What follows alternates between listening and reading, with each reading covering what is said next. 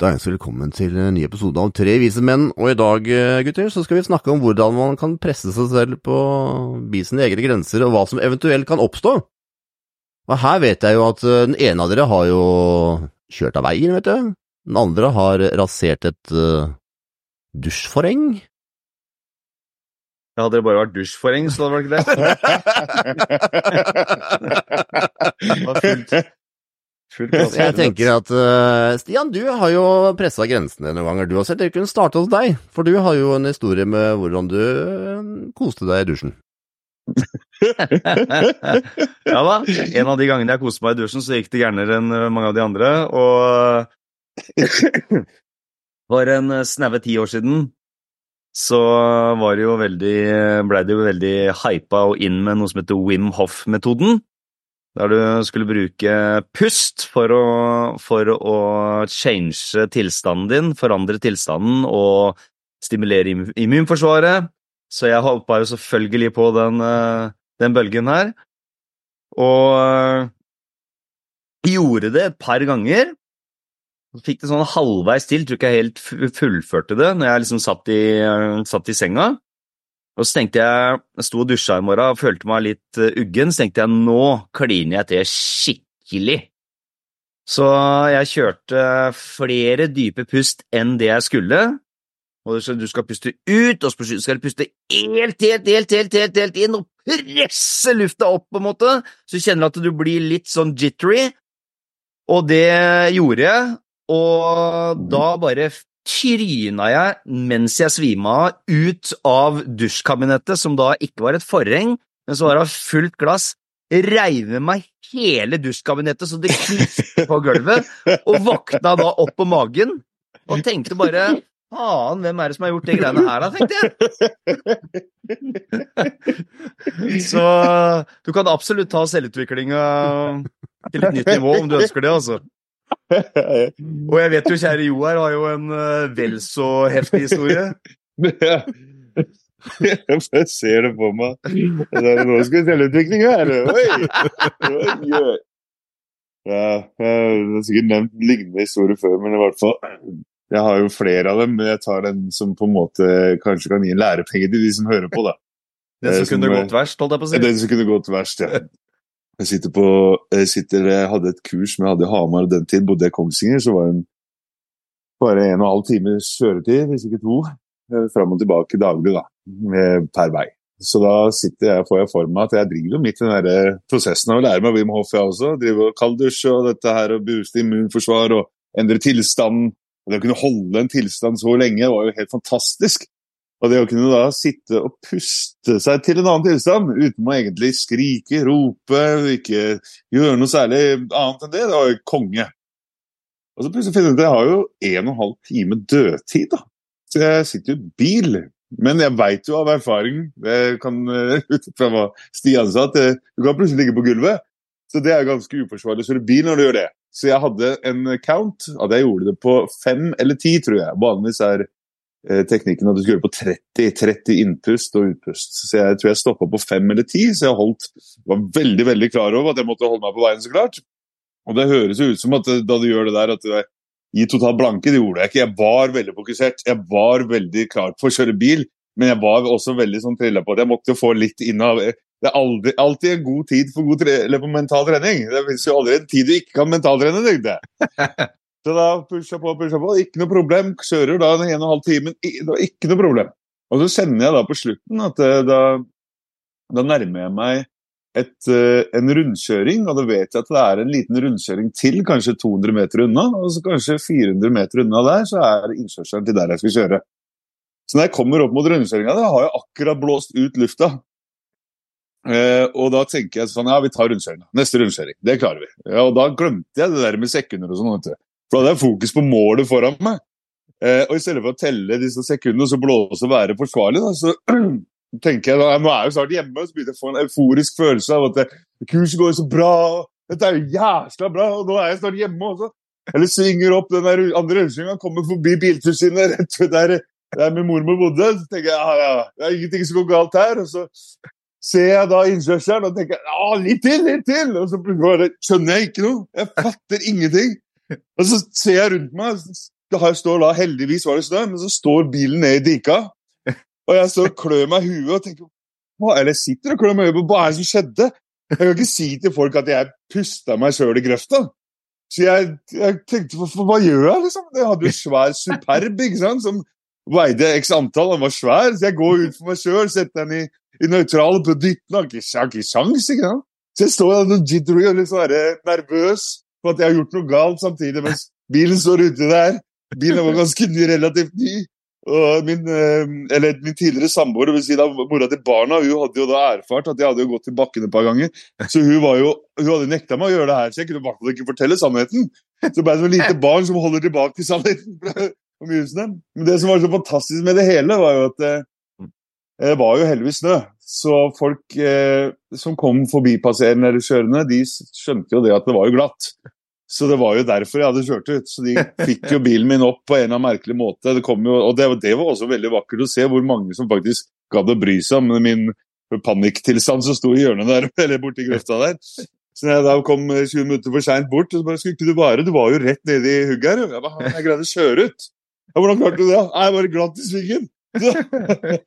Og det der fortalte jeg faktisk aldri. Det, det, det fortalte, fortalte jeg ikke.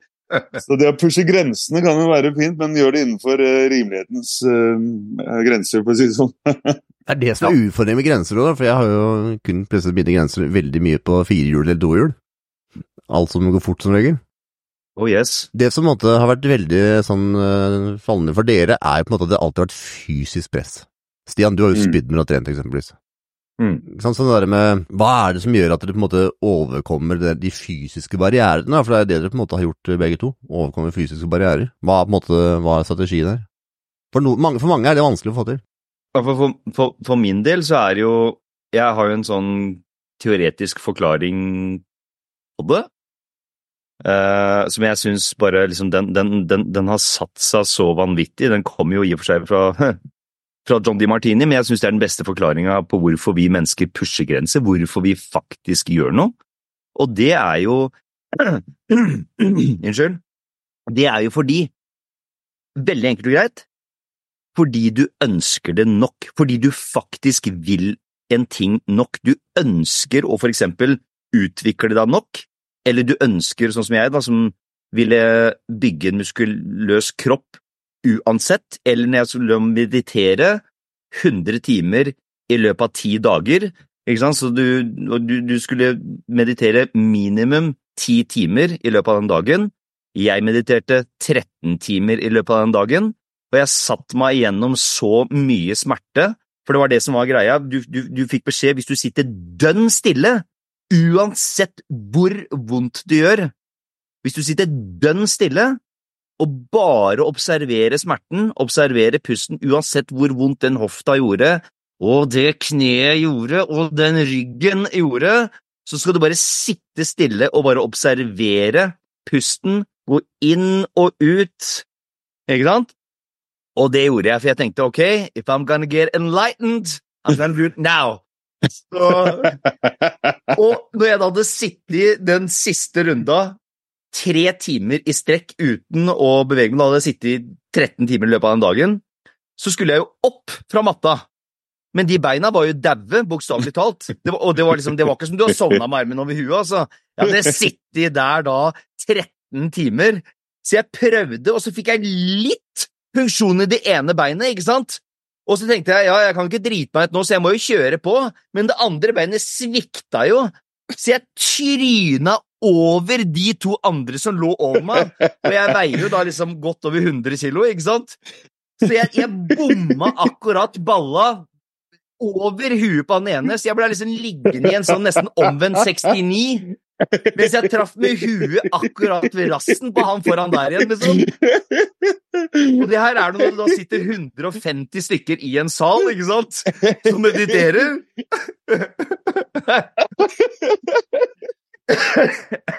Så det er herlig. Men det ble en liten digresjon, da. Det var, det var, ikke det her som var den gode forklaringen fra John Di Martini. Det ble bare en liten sånn videre digresjon. Og det er det jeg mener, da. Hvis du vil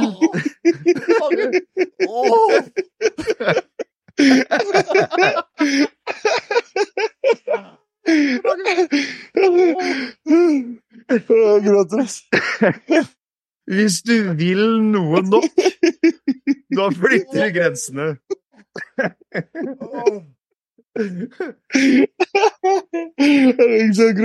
Litt sånn uff. Jeg husker det du også spurte om det, Frank. Du bare du sa det, ja, men liksom, du, du har jo trent uansett om du var sjuk eller liksom hva det var for noe, ikke sant? Og jeg tror det at når du har den derre altså, det er nesten enda bedre hvis du er bevisst på fordelene, på en måte, for da, da, da kan du styre det bevisst.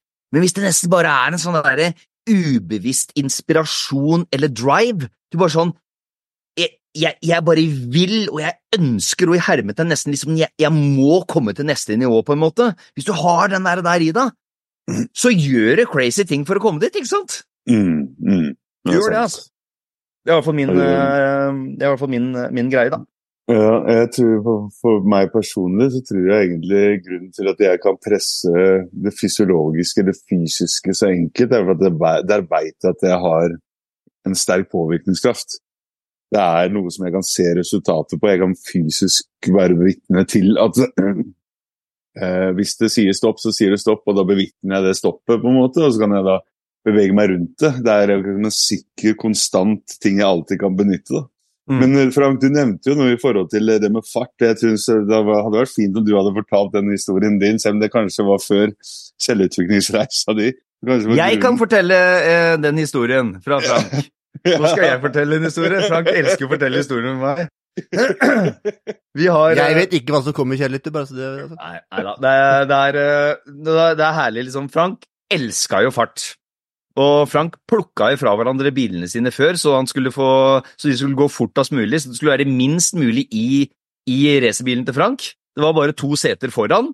Det var alt det var. Så han skulle kunne drifte og sladde mest mulig. Så har vi en sånn lang, lang, lang, lang, eh, lang Vi har flere lange veier ute i skogen. Eh, litt eh, forbi der som jeg og Frank bodde før. Og, og, og det med å sitte på med Frank når han skulle kjøre rally i skauen for eh, 20 år siden, det var en heftig opplevelse. Og jeg skal si deg en ting. Eh, Men Frank er jo sinnssykt flink til å kjøre bil. Han er kanskje en av de eh, menneskene som er dyktigst til å kjøre bil av, av, av alle. Sånn, uansett om det er min bil og vi skal kjøre sånn, hvis vi har dårlig tid sånn, så bare jeg bare setter meg i, i setet ved siden av, så sier jeg Frank, bare kjør du. Uh, greit nok. Selv Frank har roa seg veldig ned de siste syv-åtte åra. Det, det, det skal han ha. Men det var én ting når han, eh, Frank kjører på fire hjul, men når Frank kjører på to hjul og sykkel, da er det deilig å kjøre i skauen med Frank på den veien der. Og Frank bare 'Holder du deg fast?' Jeg bare 'Ja da', og jeg hadde alltid sittet på en sykkel før, liksom sånn.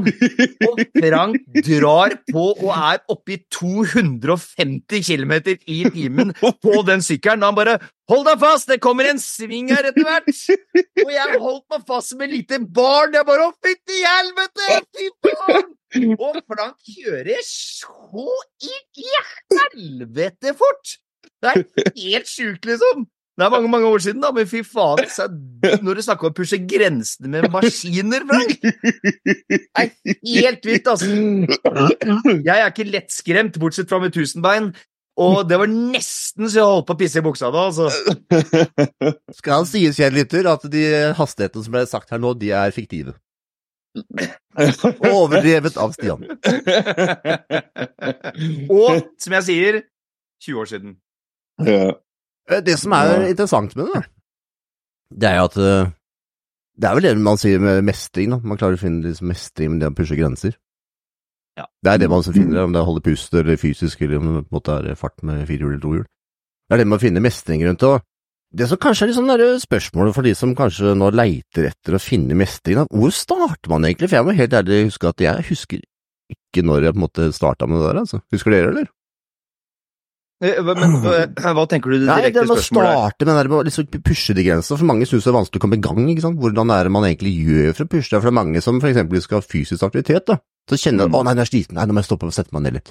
Mm. Mm, I stedet for liksom mm, å pushe den der grensa videre. mm. Kan du gjøre det sånn her, da? Bare bruke et eksempel, og da kan man da se på eh, barna mine. Fordi da er det jo en, en referanse til noen ganske spinkle små skapninger som eh, teoretisk sett ikke burde klare å pushe pushe seg selv på den, på den måten. Men eh, du ga jo da et eksempel Frank, på at barna dine hadde nå greid å ta x antall pullups og pushups. Og dette her inspirerte barna mine. Og de har jo verken sett det, eh, de har bare hørt meg si det. Så i sannhetens øyeblikk så vet jo ikke de om det var sant. Så de bruker da en mental tanke om at det eksisterer, at uh, sønnene dine har gjort noe som de da potensielt kan gjøre. Så der er det jo egentlig, For dem nå er det jo sånn at jeg sa det var sant, så trodde de på faren sin, men i utgangspunktet så er det en tanke om at oi, noe er mulig. Mm. Og så er det det å utforske via de små skrøpelige kroppene de har. Jeg sier skrøpelige, De er jo så små og pinglete enn så lenge. Dytter dem litt borti skulderen, så faller de nesten. Så det å på en måte få disse her til å, til å gjøre noe Så her en dagen så motiverte jeg dem. Så sa jeg det at jeg husker det med sønnene til Frank, de har klart det. Og de her har jo nå hatt en pause på det med trening, for jeg følte liksom at det ble kanskje litt mye push en periode. og at Det ble, liksom, det ble litt mer dårlig amper stemning her framfor at det var positiv eh, reinforcement. da. Så jeg sendte bare sånn Nei, men hva, gutter? Skal dere ha stjerner? Og det er et system jeg har pratet om tidligere, kan prate om seinere, men rett og slett uh, reinforce eller å uh, i, Du har jo aldri snakket om denne podkasten her, da, jo. Nei, det har jeg ikke, da. Ok, Så jeg kan gjøre det sånn her, da. At uh, vi har satt i stedet for penger, i stedet for spesifikke uh, ting, legoer eller uh, noen målsetning som du på en måte har der ute, og den tingen vil jeg ha, så har jeg funnet opp et egen valuta, og den heter stjernesystemet. Stjernesystemet er veldig enkelt. Hver gang du gjør noe som imponerer meg, utenom at du har imponert meg, så får du en stjerne. Og det kan komme noe så enkelt som at det er bare én kjøttkake igjen. Vi har lagd for lite, det er mer i kjøleskapet, bare for å påpeke det. Men at det er ikke stekt mer. Og at den ene sønnen sier 'Å, jeg er sulten, kan jeg få?' Og så sier den andre 'Ja, men jeg vil ha den'. Og så sier den, ja, eh, sier den andre sønnen 'Nei, vet du hva, du kan ta den'. Bare det hmm, det er mind note for meg. ok, du, Ikke for å ofre, men det er sånne små ting hvor du begynner å legge merke til andres behov. Det er en viktig ting. Det er Om du på en måte strekker deg litt utenfor det vanlige, at du la oss si du får servert kaker, og du stopper før det er tomt i kakeboksen, ikke sant? eller før kaken er borte. Eh, du har fått is, men du velger 'Nei, jeg tar ikke is i dag' de små tingene der som jeg ønsker at de skal på en måte ha lært, det har jeg på en måte implementert, prata rundt sånt, men når de gjør de tingene der, eller for hjelper med søpla, eller sånne ting, da kan de få en stjerne eller flere. Og da de har kommet opp, akkumulert en, eh, en mengde med 30 stjerner, så har de noe som heter en ja-dag. Og den ja-dagen, da kan ikke jeg si nei til noe. Men vi har lagd det så klart innenfor struktur, som gjør at jeg kan si nei til mye. For ellers hadde det blitt veldig kaos. Så teknisk sett så innebærer den dagen at de har et lite budsjett, eh, og de kan få lov til å være eh, eh, Spise godteri og spise potetgull, drikke brus, alt det der, når som helst, etter de har spist et x antall måltid. Eller sånn, Første måltidet kan vi spise litt, og så kan vi stoppe det, for da kommer neste måltid senere. Så vi på en måte har strukturert det sånn at det egentlig virker som en vanlig lørdag for mange. Men for barna mine vet ikke om vanlig lørdag er, så det er for dem en ja-dag. Og da er det det å kunne spille, mer, eh, spille eller eh, gå på turer eller reise på lekeland og sånt innenfor budsjettet. Det rimelighetens grenser. Og, helt... ikke lov, og ikke lov til å påvirke. Der kom jeg egentlig inspirert av en film som het Yes Day.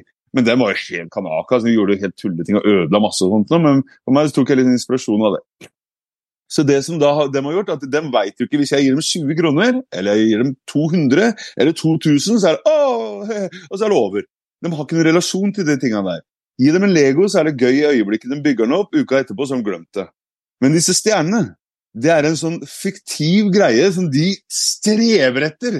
De vil bare ha den stjernen. Og det er ikke sånn at du har vært flink gutt, klapp på skulderen-greie. Det kan også være når de f.eks. bryter sammen og gråter, og den andre fatter det, og den turte å vise følelsene. Det er liksom ingen rammer her, egentlig. Det er egentlig bare det at jeg vil bare reinforce, eller hva er norsk ordet? Jeg vil jeg vil gange de, den, den, gode utviklingen deres, for å si det sånn. Så tilbake til det med å uh, pushe grensene sine. I løpet av uka her så hadde jo de ikke gjort noe pushups eller situps eller noe på lenge. Da kjente jeg det bare litt sånn derre Irritert. Men jeg ble litt sånn frustrert over at barna på en måte Jeg veit jo hos moren sin så har de en helt annet regelsett enn hos meg. ikke sant? Der er det skjerm veldig jevnlig. Litt friere matveien og sånt noe. Mens jeg blir jo da den store stygge ulven som ikke får lov til å gi dem så mye. Uh, og det er av dems fordel, men det skjønner ikke dem når de er så små. Så Det jeg da sier, er at vet du, nå syns jeg dere kan ta ti pushups. Kan dere det? Kanskje du kan se om det kommer en stjerne etter hvert. Og det tar ti pushups, ganske så vanskelig for dem. Du ser at de sliter, bøyer seg som en banan i ryggen og noe. Så tenker jeg bare, dette her er ikke bra, liksom. Det er fader ikke bra. Så jeg, det, dere skal få lov til å få is hvis dere tar 50 pushups. Og plutselig bare bom! Så ser du bare kroppen deres. Og så,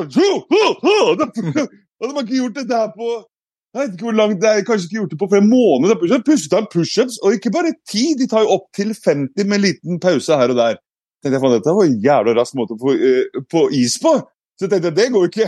Så jeg uh, og 50, 50 knebøy! Da skal vi få stjerner også! Og de begynner med knebøy. Altså. Det faen, vi må hoppe inn med litt situps også, da, bare for å gjøre det. Vi endte opp med 150 repetisjoner hver. Og de bare fikk denne isen sin. Og gomler i seg med god samvittighet.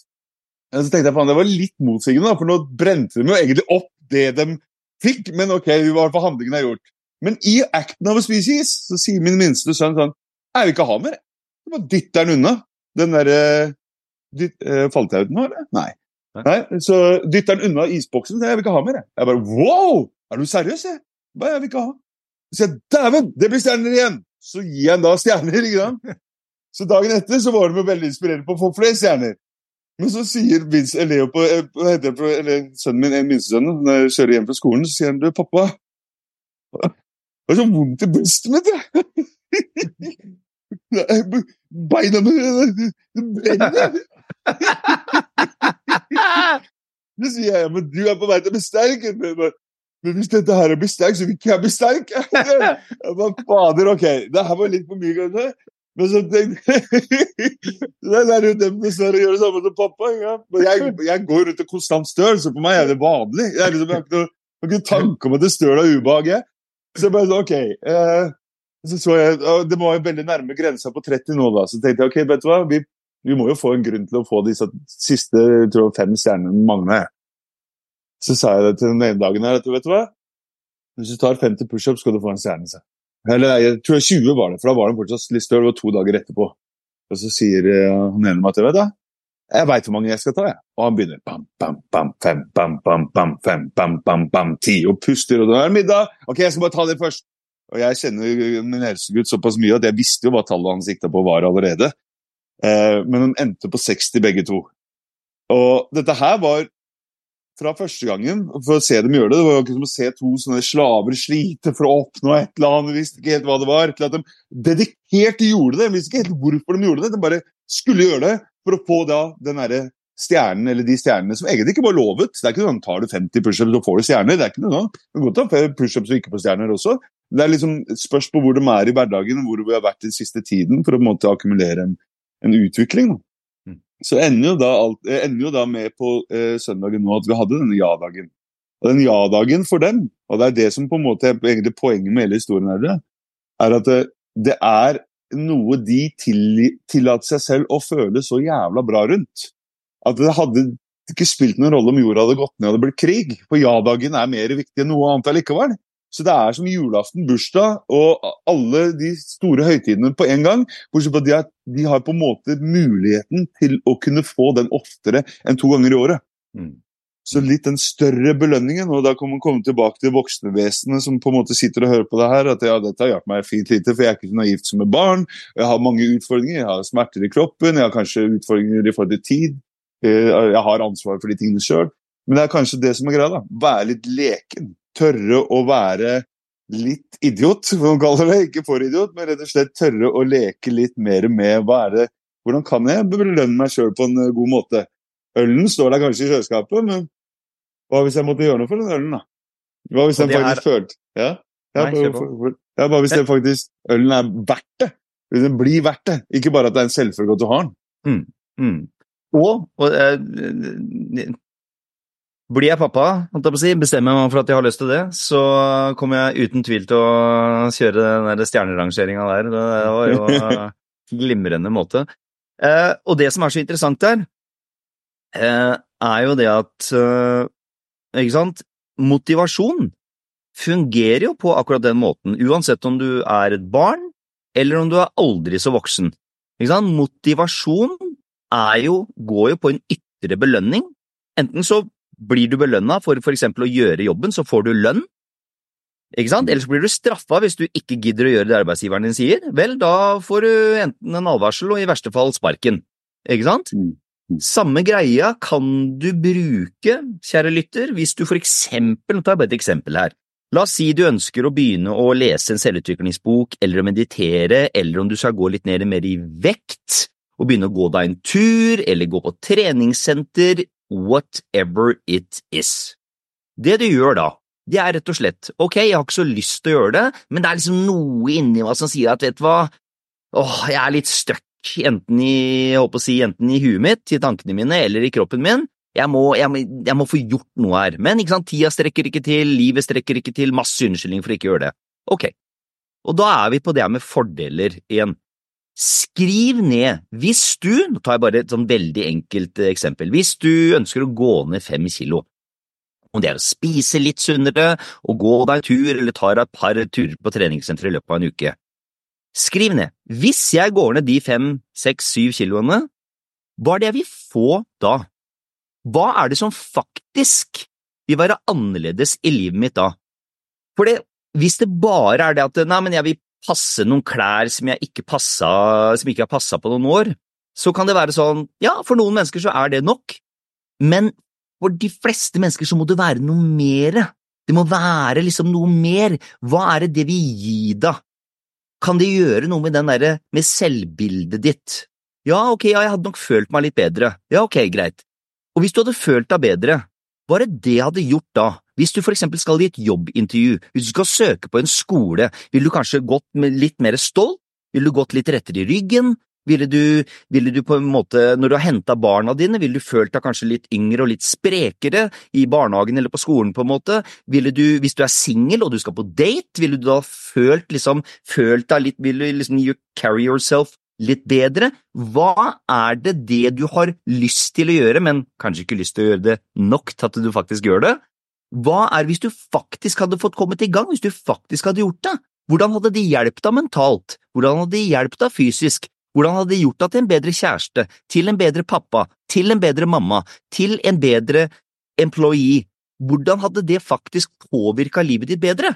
Fordi vi gjør faktisk det vi gjør, fordi vi bevisst eller ubevisst opplever at det gir oss nok fordeler. Det er sånn vi mennesker fungerer, hvis ikke så gjør vi noe annet. Mm, mm. Det er liksom sånn mange som sier det, åh, nå er jeg klar for dietten, nå har jeg diettprogrammet her, kommer de hjem, og så tenker de, hvor er sjokoladen? Ikke sant?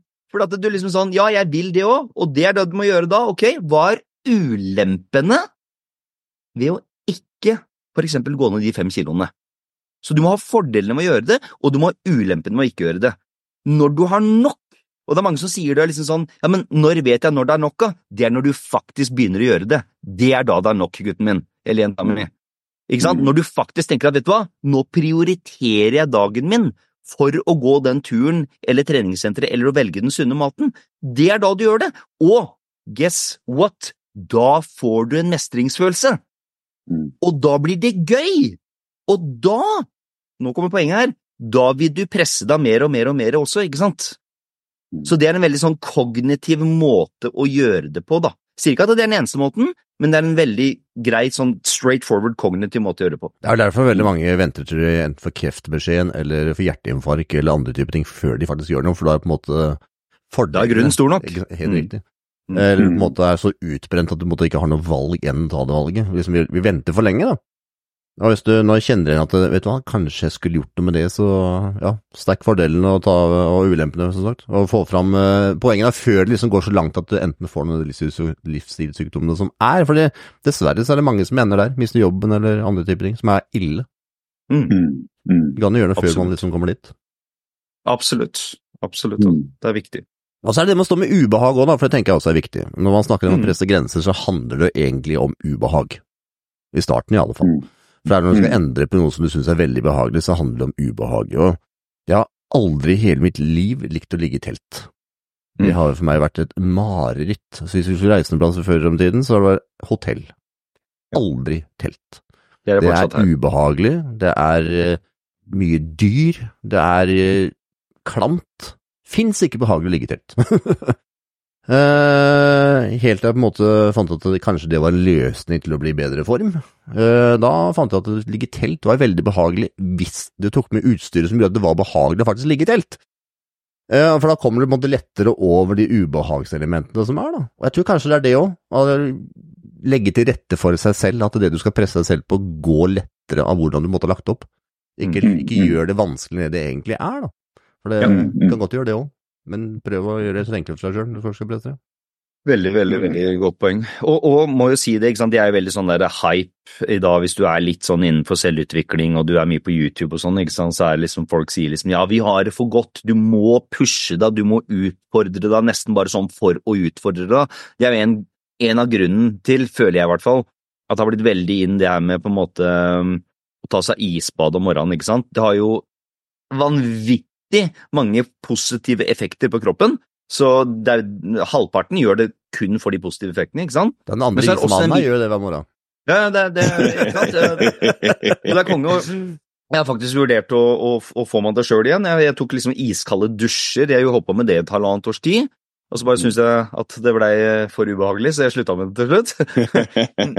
Men ikke sant, det, det, det, eh, det er noe med det å faktisk pushe den der, Det høres litt sånn klisjéaktig ut å si det nå, for det, det, det er snakka så mye om det på nettet og sånn, men det er noe med det å bare pushe seg sjøl for å pushe seg sjøl litt òg. Ikke sant? Mm. Altså, du, du, du, du kan faktisk eh, korf- komfortsone deg sjøl i hjel. Ikke sant? Mm, Det er bare sånn, Alt skal bare være godt. Og litt tilbake på det vi snakka om i, for et par episoder siden, det med nytelse og lidelsesprinsippet. ikke sant? Hvis du alltid bare skal ha den ene sida av medaljen, du skal bare liksom 'Nå må vi kose oss, dere!' Ikke sant? Nå skal vi kose oss, og du skal kose deg, og du skal ha det varmt, og du skal ha det trygt, og du skal holde deg innafor, du skal ikke ta sjanser, du skal ikke, ikke gå for noe som faktisk liksom ordentlig sånn gir deg noe, da. Ikke bare den der quick fix dopamin-greia, men du skal ha noe som faktisk gir deg noe over tid. Ikke sant? Hvis du aldri skal gjøre det, guess what?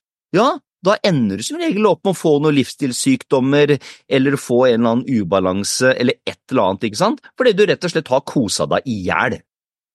Mm. Ikke sant? Og jeg kan eh, skrive under på det at uh, det, det var jo også en bølge, jeg vet ikke om den bølgen eksisterer nå, for den er ikke på sosiale medier, men det var den derre at du skulle Bare positive vibber. Alt skal være så positivt hele tiden. Positive vibes, positive vibes. Så er det sånn, ja Positivt i hvilken grad? For det er veldig enkelt å si at det skal være positivt. Så sitter du f.eks. i tilfeller hvor at du har, det, har en sykdom, du er kanskje overvektig selv, eller du oppfører deg som en drittsekk, eller du har visse traits eller uh, attributes eller uh, egenskaper eller utfoldelser som gjør at du du, begrenner, du er en stopper for deg selv og framtiden din, eller for du stoppe for deg selv og velvære for de rundt deg. Og så er det sånn ja, men i dag er det positiv, bare positive vibes hele tiden. Nei. Noen ganger så setter man ned den foten for å skape et lite eh, turbulent eh, øyeblikk, sånn at det positive kommer deretter. Eh, Jeg merka det, for det, det står, jeg er ikke gammel, men dess eldre jeg blir, desto mer legger jeg merke til at det er veldig fokus eh, på en viss aldersgruppe, eh, over min eh, aldersgruppe, kanskje litt yngre òg, som er sånn her Nå skal vi kose oss, kose oss med boller og kaffe. Mm. Men det går an å kose seg. Jeg vil gi et eksempel. Jeg hadde besøk av kompisen min her. Han tar ikke isbad, men han kalddusjer regelmessig på ti grader. Han måler det før han går inn, og han syns ti grader er kaldt nå. Og så kom han hit, og nå hadde jo helt oppi is i bøtta her, og, eller balja, og han skulle få lov til å hoppe uti. Etter og under og etter eh, denne seansen hvor han hoppa opp i balja der, han satt ett minutt, veldig bra til å ikke gjøre det regelmessig, så skal jeg love deg, kose deg-prinsippet var en helt annen opplevelse. Vi delte noe sammen. Vi Mm. delte smerten, ubehaget, hele greia som bare var et sekvens på noen få minutter til sammen. Som da var noe som binder oss mye mer sammen Ja. enn om vi hadde tatt den bolla og drikke den kaffen. Mm. Fordi du utforsker følelser, tanker, ideer, alt på en mye større spekter enn om du bare sitter, eh, sitter og drikker denne kaffen. Ikke at du ikke skal spise boller og drikke kaffe, kjør på, men det er mer hvor mange boller og kaffe skal du drikke og spise før du på en måte kjenner at det, det er ikke så jævla gøy hele tida. Jeg veit ikke, jeg, jeg, jeg, nå blir jeg sånn jeg holdt på å si rasistisk mot boller, men jeg blir liksom, jeg blir liksom mot den derre kose seg hele tida. Fordi jeg har blitt sånn innprinta fra jeg var yngre. at det, Er du sur, eller er du lei deg, eller er sånt, så er det noe galt. Men er du happy og glad, og sånt, da er det noe bra, da er alt fint. Jeg har lært så- meg må... ja? Da er det sånn som det skal være, liksom, på en måte. ja, ikke sant? Men, men vet du hva?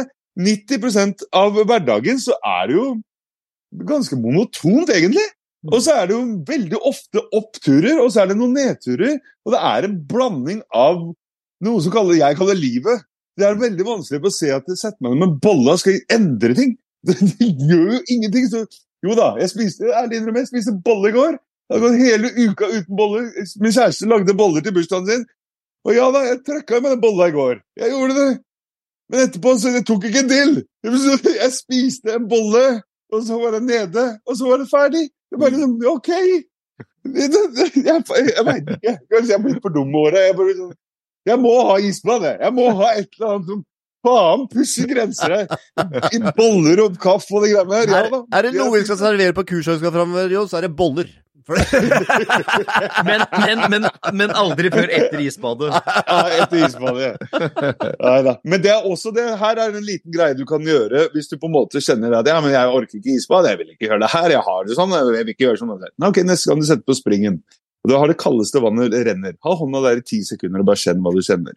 Bare det å bli bevisst over sensasjonsendringene i kroppen, bare bli klar over disse impulsene som vi tidligere kaller kaldt, varmt, vondt, godt. Disse merkelappene vi har gitt som automatisk kommer fram. Som et barn kan bli slått på skulderen av broren sin, og da er det au! Hvis jeg klapper borti den, så ser han på meg med smil. Det, vi, vi tolker jo disse signalene i kroppen vår veldig ulikt ut fra situasjonen vi er i, storyen vi drar opp, fokuset vi har, sinnstilstanden vi er i.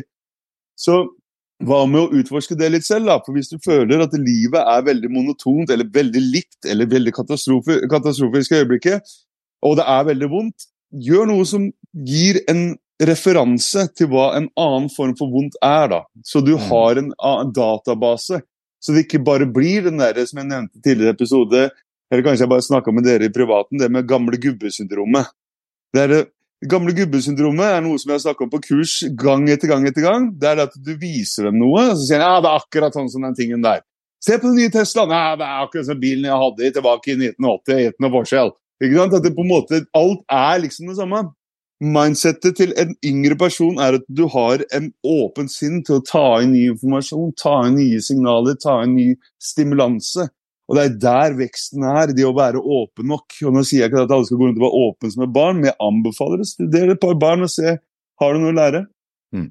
Ja, det er super. eh, Og det er, eh, og det er liksom det her som er greia, ikke sant? Når Det er som jeg sier, at utfordringer, det vil vi få uansett. Det virker som nesten at det bare er en sånn innebygd mekanisme i livet. Jeg har sagt det før, ikke sant? For at vi mennesker skal vokse, psykologisk, og til og med kall det spirituelt, for den saks skyld, ikke sant?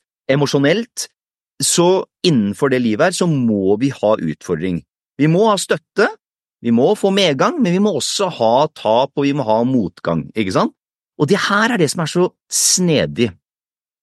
For du vil få motgang uansett, men hvis du har for eksempel et ønske, en eller annen drøm om hva du har lyst til å gjøre, og livet ditt til en viss grad demonstrerer det, men kanskje ikke sånn helt, fordi du Kanskje ikke du føler deg god nok til å tørre å sette det ut i liv, kanskje du har litt frykt for å feile eller å bli avvist, ikke sant? Men, men bare hør nå, er det ikke bedre å få motgang innen det området du faktisk har lyst til å få til?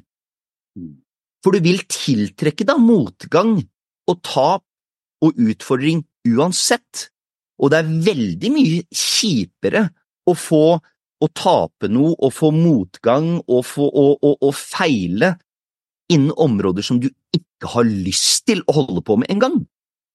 Så liksom hvis du følger da det vi har snakka om tidligere, liksom det som faktisk er viktig for deg, det du faktisk er glad i, på en måte, ikke sant?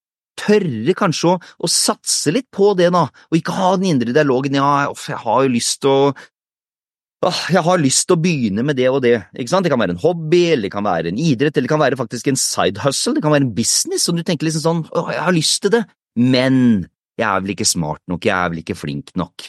Nei, jeg har ikke, åh, jeg måtte hatt med en for å fått det til alle de her unnskyldningene.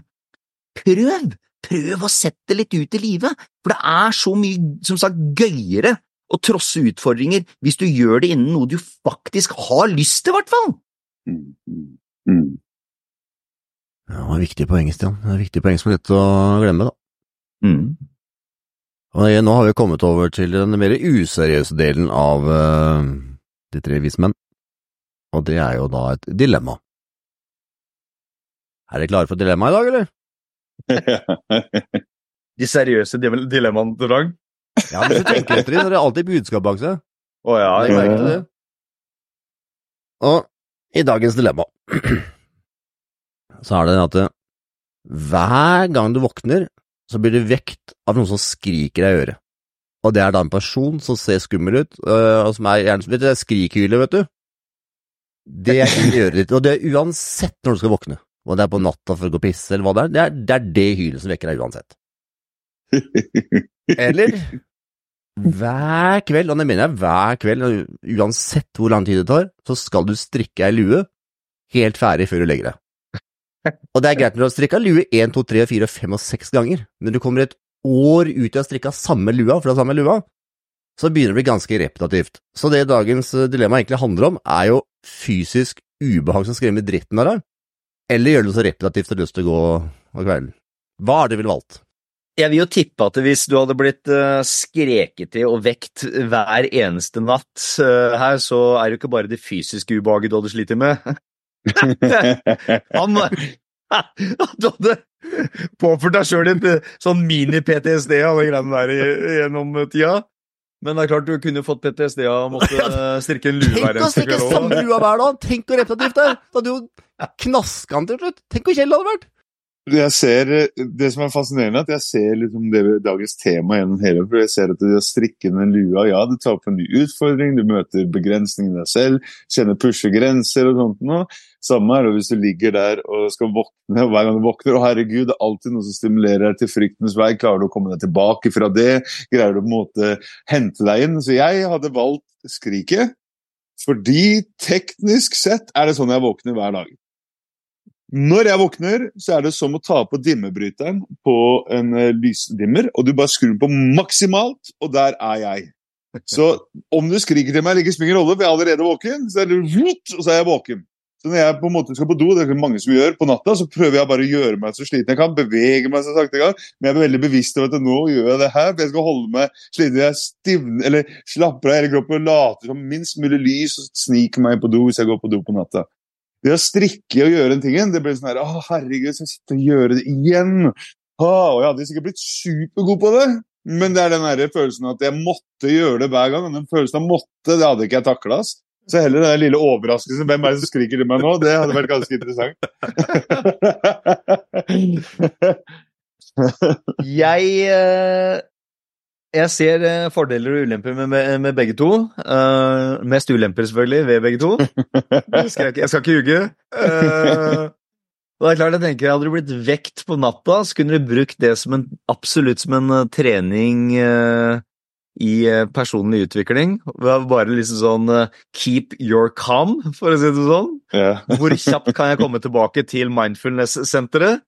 Mm. På den annen side, det med å sitte og strikke en lue det hadde blitt en litt sånn med meditativ eh, øvelse, da. I kjedsomhet. Så nei, jeg tror faktisk jeg hadde valgt lua, altså. Jeg klarer jo ingenting som er repetitivt. Bare så det er sagt. Så for meg som sitter og strikker lue, så hadde jeg jo gått og hoppa et vindu på tredje andre. Eh, og det der Men, det gjort, men jeg kjenner deg, det hadde du gjort hvis noen hadde stått og skriket i øret. Godt poeng! Så det er bare Hvem hadde gjort at du hadde hoppet ut av vinduet fortest? Jeg er usikker. Jeg tror faktisk det er repetitivt kjedelig, faktisk. For det, det er det som er litt poenget med disse dilemmaene her. da. Det er at det skal liksom ligge egentlig noe bak, for for mange er det med relativt jævlig vanskelig. Og for andre så er det med skummelt vanskelig, og liksom prøve å balansere de tinga mot hverandre og gi litt ettertanke. da. Mm. Det er liksom det som er litt av poenget, poenget med dilemmaene her. Og det er ganske interessant at jo, du våkner egentlig ikke av skrekk, men av tydeligvis av full iver når du våkner da, eller? Ja, det, men det er det som er at jeg har hatt det helt siden jeg var liten, og jeg ser det på sønnen min nå. Og at sønnen min han står jo happy. Eh, Det var jeg fram til jeg ble 25, og etter det så veit jeg ikke helt hva som skjedde. Men da plutselig så begynte jeg å ikke være så happy om morgenen likevel. Eh, og det, det er noe jeg har tenkt dypt over, og kanskje noen lyttere kan tenke over. Hvis du plutselig, sånn som meg, teknisk sett endrer over natta, kan det være menneskene du hang med da? Fordi jeg la merke til at de menneskene jeg hang med da, eh, regelmessig, de var ikke glad i morgenen. Så jeg tror faktisk at det sakte, men sikkert jeg tok med atferdsmønsteret deres for å på en måte være i kontakt med dem, så ha noe til felles med dem når jeg sto opp. Mm.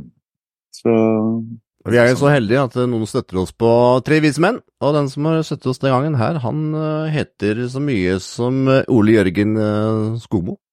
Vi takker så Mm. mye, og så er det noen som vippser under 100 kroner også, men det er over 100 kroner for stive det. Og så har jeg en liten konkurranse til deg som er uh, lytter. Eller konkurranse, konkurranse. En utfordring. Og vi er jo ikke på sosiale medier. Og vi konkurrerer jo mot uh, Bauer Media, NRK, VG, Dagbladet, alle som måtte produsere podkaster. De har jo et annet markedsfører enn oss, og vi har null. Mm. Så da er det et sånt spørsmål til deg som lytter. Hvis du kunne delt denne episoden, hvis du liker den selvsagt, eller en av de andre episodene, med så mange du kjenner For hvis hadde de deler en av episoden de liker, selvsagt bare hvis du liker episoden, så hadde det vært interessant skjønner å sett hvor mange lyttere vi klarer å oppnå ved at noen deler, framfor at noen bruker, bruker penger på å spre budskapet. Mm. Og bruke det der i, eh, i-prinsippet, da. Og i, både i- og dele-prinsippet. For det, det finner jeg ganske interessant. For jeg tror at eh, vi hører vanvittig mye reklame vi ikke har interesse av i det hele tatt. Men tenk hvis vi begynte å hjelpe hverandre isteden og dele ting som vi syns er bra. For jeg vet jo hvis jeg kjøper noe som er bra, eller, eller hører på noe som er bra, så deler jeg det ganske fortløpende. For jeg liker å dele med ting som jeg syns er bra. Mm. Så litt sånn utfordring til deg som uh, hører på, da. Del Mm. episoden eller en av episodene hvis du liker det. Og Setter vi veldig pris på. Absolutt. setter veldig pris på dem. Samtidig så tror jeg det er det med, det med å vri om tankesettet litt nå. Mm. Faktisk mm. dele. Kan, noen er jo kjempeflinke til det allerede, det ser vi jo. Men for deg som kanskje syns det er utfordrende, kanskje det er presselige grenser på å dele. Mm. Så til neste gang, eh, kjære lytter, så må du gjerne sende forslag til tema på post at mtfranknilsen.no. Og vi ønsker lykke til med å presse grenser. Yes. Og ikke med, ikke på to eller fire hjul. Det er kun på fysisk. Historien til Stian var bare fiktiv. Bare. Ha det bra. Ha Ha det. det bra.